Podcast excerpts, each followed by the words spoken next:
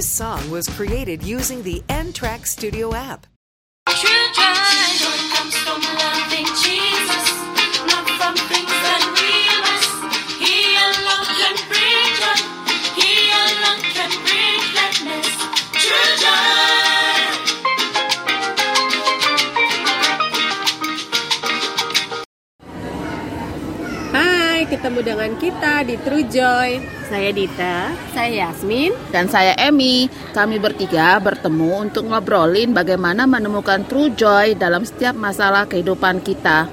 Welcome to True Joy Sisters. Let's talk. Oh, kenapa tuh ya berita bilangnya selama masa Covid perceraian meningkat sampai berapa ratus persen? Pantesan tadi aku lewat dari gedung eh, apa pengadilan Cibinong pas mau ke sini ketemu kalian eh, yang ngantri di depan gedung banyak banget Iya tuh di ibu-ibu. berita banyak yang ngantri-ngantri. Iya, menurut lu apa itu? Kenapa itu Yas? Dit, Yasmin dulu deh. Ah, Yas gimana Yas? Kenapa tuh bisa masa Covid angka perceraian bisa naik sekian ratus persen? Banyak masalah mungkin ya, masalah yang terpendam jadi tercuat. Karena mereka kumpul bareng di dalam rumah, wataknya masing-masing kelihatan. Yang satu lempar panci, yang satu lempar piring, ya kan? Untuk nggak lempar parang, pembunuhan terjadi.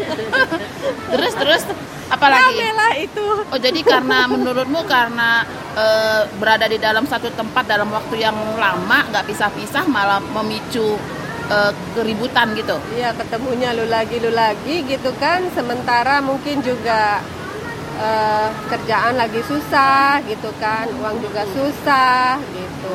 Oh, tapi kayaknya ya kalau lihat tadi beritanya, ini bukan hanya terjadi perceraian ini di kalangan eh, kelompok sosial menengah ke bawah yang misalnya rumahnya 4L, lu lagi, lu lagi, lu lagi gitu ya.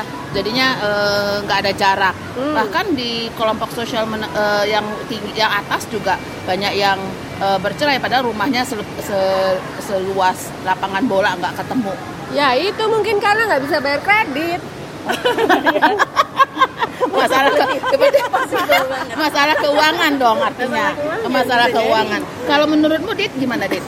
Kalau eh, sebenarnya sih mungkin ya, jadi seperti yang tadi Yasmin bilang, eh, yang tadinya mungkin jarang ketemu atau paling enggak pagi ketemu malam ketemu the whole day bisa. Sebenarnya ketika mereka harus kumpul dalam satu rumah, eh, mulai ada persinggungan, persinggungan yang kemudian sebenarnya membuktikan bahwa ma- ma- ma- masih banyak orang suami istri gitu ya yang belum tahu how to manage their emotions gitu kan. Mengelola emosinya. Mungkin selama kemarin-kemarin belum covid bisa ketika kesel keluar rumah dia bisa agak eh, apa tuh namanya adem ketemu teman-teman dia minum kopi di Starbucks whatever agak tenang pulang ke rumah udah tenang tuh.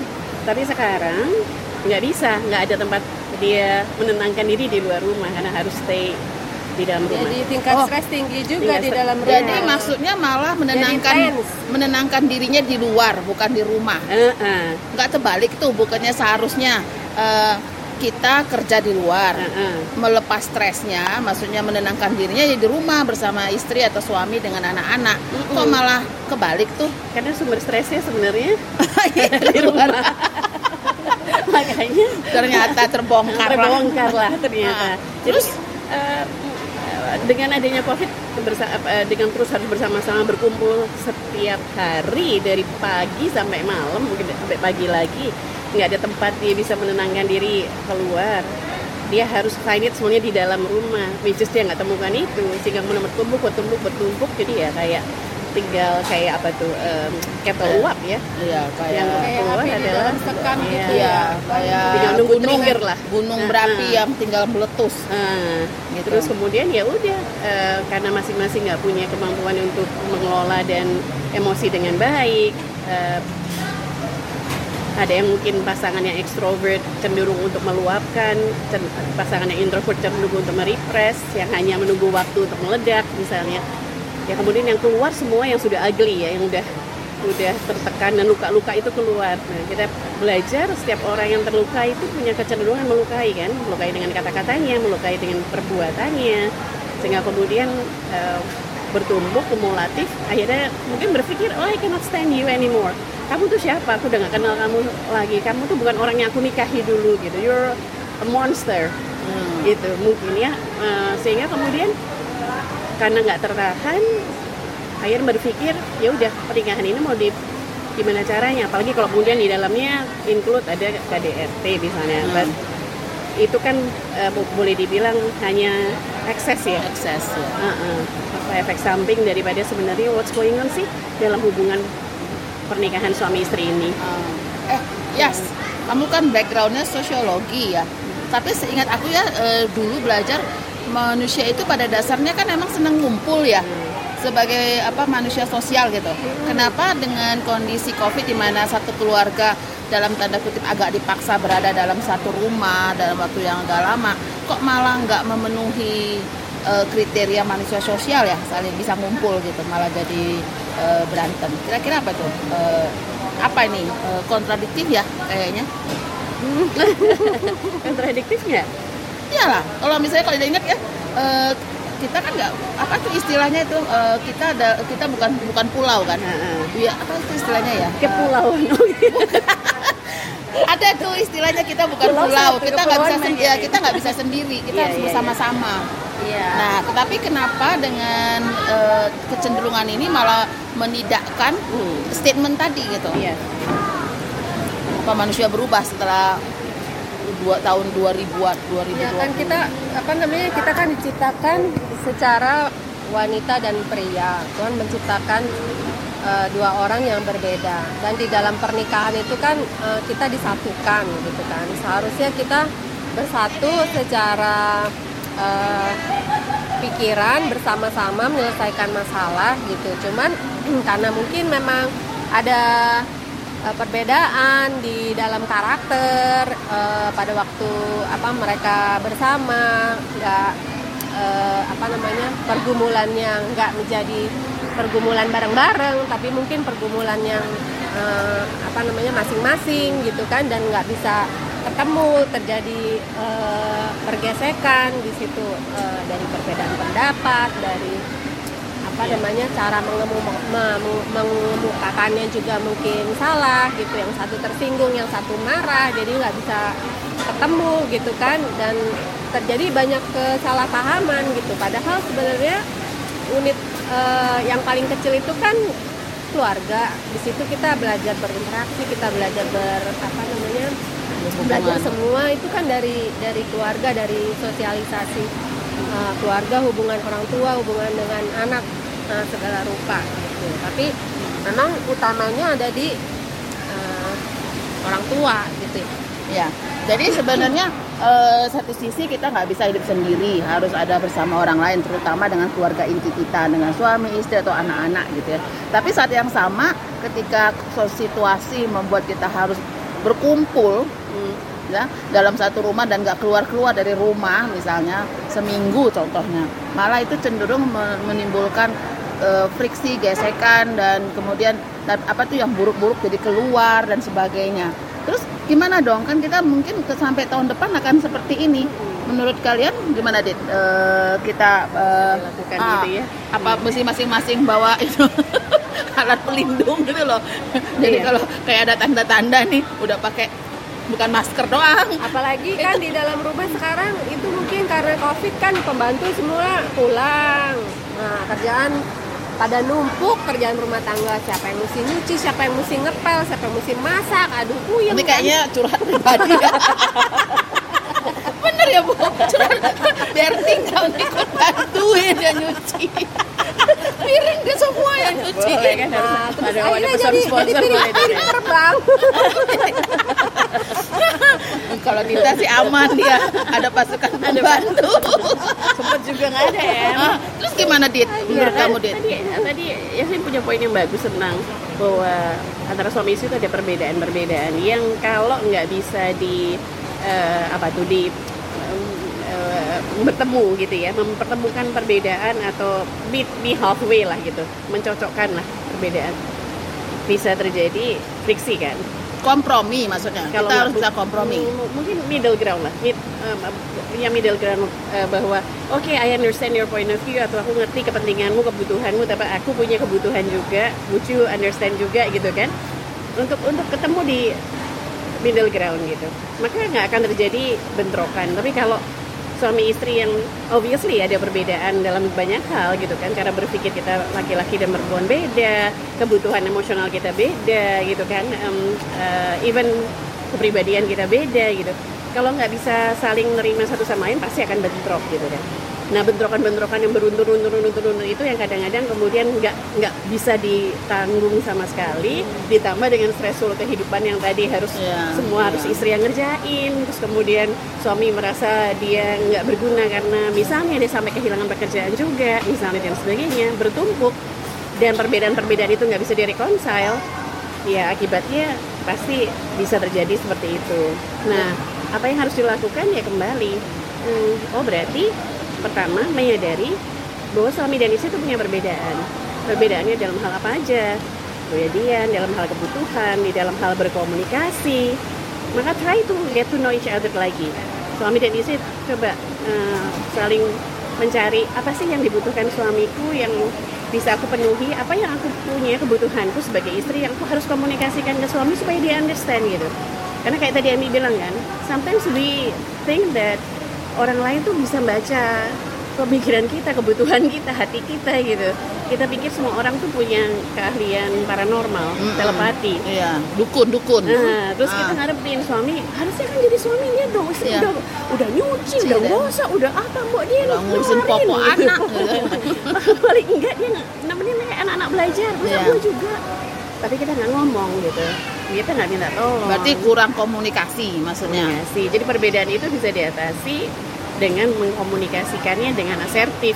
Dan- Komunikasi nggak hanya ngomong, eh bantuin dong gua gitu. Oh, Lu cara berkomunikasinya pun harus Yes. eh, dipikirkan. Jadi bukan what to say tapi how, how to say. Yes, Oke. That's true. Tapi juga aku ngelihatnya gini ya, kalau nggak ada intention ya, maksudnya Hmm. itu semua kan pasti how to say dan what to say itu tadi datang kalau masing-masing atau ya, suami istri dalam hal ini punya ke- punya keinginan untuk hidup damai ya sebenarnya. Nah itu hidup damai seperti apa yang sebenarnya? Maksudnya gini, aku mau bilang nggak semuanya orang tenang ya, nggak semua orang eh, punya sifat yang eh, mikir dulu baru ngomong. Tapi mungkin ngomong dulu baru apa mikir juga nggak sesudah itu ya pokoknya ngomong aja dulu dan akhirnya terjadilah eh, apa per- Pertengkaran. Oh, perkelahian Ah, apa Iya, yang penting ngomong aja jadi kayak, ngomong. kayak mitra liur Nah, kan. nah, tapi maksudnya gini, em, mungkin penting juga ya kalau misalnya pasangan itu eh, masing-masing eh, dengan sendirinya sadar aku memang pingin damai gitu. Aku pingin dengan kondisi COVID yang nggak bisa dihindarkan sama sekali. Kalau memang masih bisa dihindarkan, dia keluar rumah. eh, atau memang masih bisa kerja keluar rumah mungkin itu bisa dikurangin ya ini kan kita ngomong yang ekstrim ya Hmm. Eh, di mana mungkin dalam seminggu kerja dia hanya di- eh, keluar rumahnya dua kali sisanya udah di rumah gitu harus ada niat dulu kan Hmm. nah niat itu bagaimana cara menimbulkan niat itu menurut kalian niat niat untuk ngobrolin dengan pasangan aku nggak mau nih ribut terus Iya. Karena Mesti kan cari, rata-rata- ya, mesti cari waktu yang baik gitu, momen yang baik, yang lagi mood juga. Apa kira-kira yang bisa membuat orang ini si suami istri ini punya niat yang sama gitu apa ada sesuatu dari luar gitu apa mungkin tetangga atau keluarga yang lihat ini ribut-ribut terus eh, datang mendamaikan atau tapi kalau nggak ada yang berani datang ke rumah juga gara-gara covid gimana dong? Lewat video call. Lo gue mesti dengar dengar. waktu bersama, pergi bareng kayak ngopi bareng, ngomong kan nggak boleh keluar rumah gimana sih lo oh kayak gitu ya. Tapi menurut Dita gimana dit? Maksudnya em, Kalau saya sih kembali kepada eh, pasangan suami istri ini, bagaimana mereka memaknai pernikahan mereka gitu ya. Hmm, Apa arti dan tujuan mereka menikah sih sebenarnya gitu. Tujuan pernikahan tuh buat mereka tuh apa? Artinya tuh apa? Dan itu merupakan, merupakan dasar M. Karena tujuan pernikahan it's not about to make each other only to make each other happy kan, atau myself happy gitu. Apalagi tapi kan untuk kemuliaan Tuhan gitu kan. So, Nah. bagaimana caranya supaya pernikahan ini di dalam keadaan yang stressful sekalipun kita harus ingat bahwa this marriage belongs to God and this marriage itu Ah. untuk glorify Tuhan gitu kan sebenarnya. Apakah dengan berantem seperti ini dengan terus menerus saling memaki, saling menyakiti menyelesaikan itu masalah. Nah itu tuh Bang, itu tadi kali mungkin yang aku maksud intention atau niat tadi itu harus ada yang istilahnya ngomporin sehingga nah ngomporinnya berarti adalah eh, diingatkan kembali eh, apa yang mengikat pernikahan mereka, apa yang mempersatukan mereka dahulu, background belakangnya siapa dan untuk apa mereka dan untuk apa mereka. Iya, Nah, kalau ada di suatu negara tuh ya, kalau orang mau bercerai, Nah, sosiolog udah, sosiolog udah ngomong. masuk nih di dalam pengadilan mau cerai, mereka tuh harus pakai baju, Baju pengantin. pengantinnya Ya, mereka oh ya, dulu. ah di, gitu. di, di mana negara mana tuh? Uh, di mana? Di Kuba apa di Iya. mana? Pokoknya pokoknya ada gitu. Oh, Jadi iya, mereka kalau- cinta mula-mula. Kalau mau cerai harus Kasih pakai mula-mula. baju nikahnya yang dulu gitu Oh, kan. biar nggak tega untuk bilang gue ceraikan lu. Akhirnya mereka nggak tega balik lagi kan. Iya iya iya bagus juga tuh cara mediasi yang bagus ya. Kalau perlu masih pakaiannya masih sep- masih foto paling enggak kalau enggak foto kayak aku baju nikah aku udah segini cuma separuh belakangnya bukan. cuma begini doang. Lucu nggak itu? Jadi mereka pada ngantri pakai baju That's a good thing ya. Maksudnya idenya ya. Cowoknya pakai jas. Itu. Iya iya itu bukan aku tadi masukku gini loh. Eh, kadang-kadang kalau udah lagi marahan, benci banget dan sebagainya, kita lupa kan. eh, kenapa dulu kita kadang-kadang gini, kok bisa gua kawinnya sama nih orang gitu loh. Apa sih gua dulu mikirnya apa gitu loh. Rasanya gua nggak bego-bego banget. Kenapa gua kawin sama orang ini gitu. Iya. Nah itu yang kenapanya itu yang menurut aku tuh gimana caranya supaya jangan dilihat yang negatifnya, tapi kenapa oh dulu gua kawin sama dia karena dia kan dulu baik loh, orangnya nggak kayak gini loh. How to remind that gitu loh, Hmm. gitu. Sebenarnya kan people change ya. Em. Ya. Sometimes kita tuh yang nggak realistis sih. Kita expect pasangan kita adalah pasangan kita 10 Iya, iya. tahun, 15, 20 tahun yang lalu. Tapi- Tapi ini udah berubah. Kita pun sebenarnya juga berubah. That's why yang dulunya misalnya kayaknya oke-oke aja sekarang jadi nggak oke because he changed. I changed too, right? Oh, oke. oke. Kita berubah. Nah, masalahnya adalah dengan adanya perubahan ini kita harusnya mulai bisa menerima itu start dari menerima bahwa adanya perubahan and then we adjust to it, adapt to it gitu kan. Kalau kita masih punya ekspektasi dia adalah laki yang sama yang aku nikahi 20 tahun yang lalu, maka kita akan kecewa gitu. Tapi bukankah juga suami kita sebenarnya kecewa sama kita because we're untuk Paling nggak bentuk badan. Kalau kecuali Yasmin, waktu nikah sampai sekarang segini-gininya juga. Makanya biar dia masih betah malu. 45 kilo. Berapa? Cungkring. Iya. Oh, terus 10 kilo. So we need to adapt, adjust, and accept that Hmm. Orang yang kita nikahi orang yang berubah karena aku pun berubah gitu. Itu yang bikin realistik aja lah. Ya, maksudnya kesadaran, diingatkan dan sebagainya. Itu kayaknya eh, either datang dari diri sendiri pada saat harus ada salah satu dari pasangan itu yang lebih tenang ya untuk eh, ketika terjadi keributan, suara tinggi harus ada yang diem, kemudian ingat ya either ingat yang dulu atau perubahan yang sekarang dia maklumin terus kemudian eh, apa tadi eh, pernikahan ini kan di dalam di dalam rencana Tuhan gitu ya. Terus kita ingat rancangan Tuhan untuk keluarga itu seperti apa. Jadi menenangkan kita, kemudian kita kemudian bisa jadi inisiator ya kali ya ke pasangan kita yang masih panas itu misalnya. Ya Iya. kan karena ya itu tadi semua yang baik-baik tadi Dita bilang kalau dua-duanya masih angot gitu, masih panas, ya susah juga ya. Atau ya udah mungkin masing-masing di kamar A dan di kamar B kalau ada dua lantai, lantai satu dan lantai dua kemudian Isolasi mandiri. Oh, iya. dari pasangan benar itu bukan dari iya, iya. covid that's a good ini Iya. term Ya, in- intinya kan bukan hanya ini em, Em, ada tiga hal kan selalu Em, JOY kan. Pertama adalah kalau di dalam in, in- dalam segala hal, dalam eh, keluarga, dalam pernikahan, dalam pertemanan, Iya. dalam pelayanan semuanya adalah kita megang prinsip itu bahwa pertama GOI. JOY kan ya. G O I. Joy, joy. Joy. right? Kalau kita mengenal Kristus, kita tahu kehendaknya, kita tahu siapa dia yang menyatukan kita dalam pernikahan, yang membentuk lembaga pernikahan dan yang ada di dalamnya, then we are always reminded by the Holy Spirit gitu kan untuk kita um, diinget diingetin lah ditegur lah kalau itu kesalahan kita bagaimana kita harus punya kasih dan sebagainya. Lalu yang kedua oh kan others suami kita. Eh, dia adalah orang yang sudah enggak yang bukan orang yang sama yang aku nikahi beberapa tahun yang lalu. Aku harus bisa menerima dia dengan segala perubahannya dengan segala kelemahannya because apa? Karena dia aku percaya ini harus kita ingat bahwa aku percaya kalau ini iman kita dia itu dari Tuhan nggak pernah salah. Kalau yang datang dari Tuhan nggak pernah salah kalaupun dia melakukan banyak kesalahan orangnya nggak salah. Orangnya nggak pernah salah. Perbuatannya mungkin salah gitu tapi orangnya nggak pernah salah because if we believe dia datang dari Tuhan gitu. Dia dari dijod, disatukan sama aku oleh Tuhan in the marriage. Terus kemudian yang about us kan. Sometimes kita juga nggak kenal diri kita kan em. Contohnya misalnya em, kita nih orangnya sebenarnya sangat sensitif contohnya tapi kita nggak ngakuin kalau kita sensitif. Akibatnya kita nggak menjaga diri kita. Jadi kalau ada eh, yang menjaga hati kita dengan eh, sadar gitu. Jadi kita membiarkan diri kita disakitin. Kita membiarkan di orang lain misalnya suami mengatakan sesuatu then karena kita orang yang sensitif kita nggak berjaga bahwa dia bisa menyakiti hati kita gitu.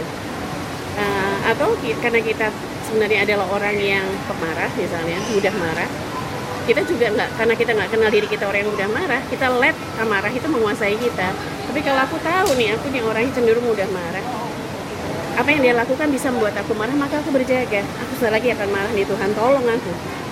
Maka kita akan bisa mengendalikan emosi kita once we know ourselves. Hmm. Sebenarnya benar juga tuh dengan omong eh, tadi mas eh, Dita ngasih kita satu eh, rumus ya kalau dibilang rumus atau reminder ya. Uh-uh. J O Y. J itu Jesus O itu others orang lain. Y itu you atau diri kita sendiri. Lalu kalau kita bisa pegang Tuhan Yesus dulu dengan segala macam telada- teladannya dia, perintahnya dia, eh, kata-katanya, akan lebih mudah kita untuk bukan bukan menyesuaikan, tapi menerima perubahan-perubahan yang ada di sekeliling kita khususnya dengan suami.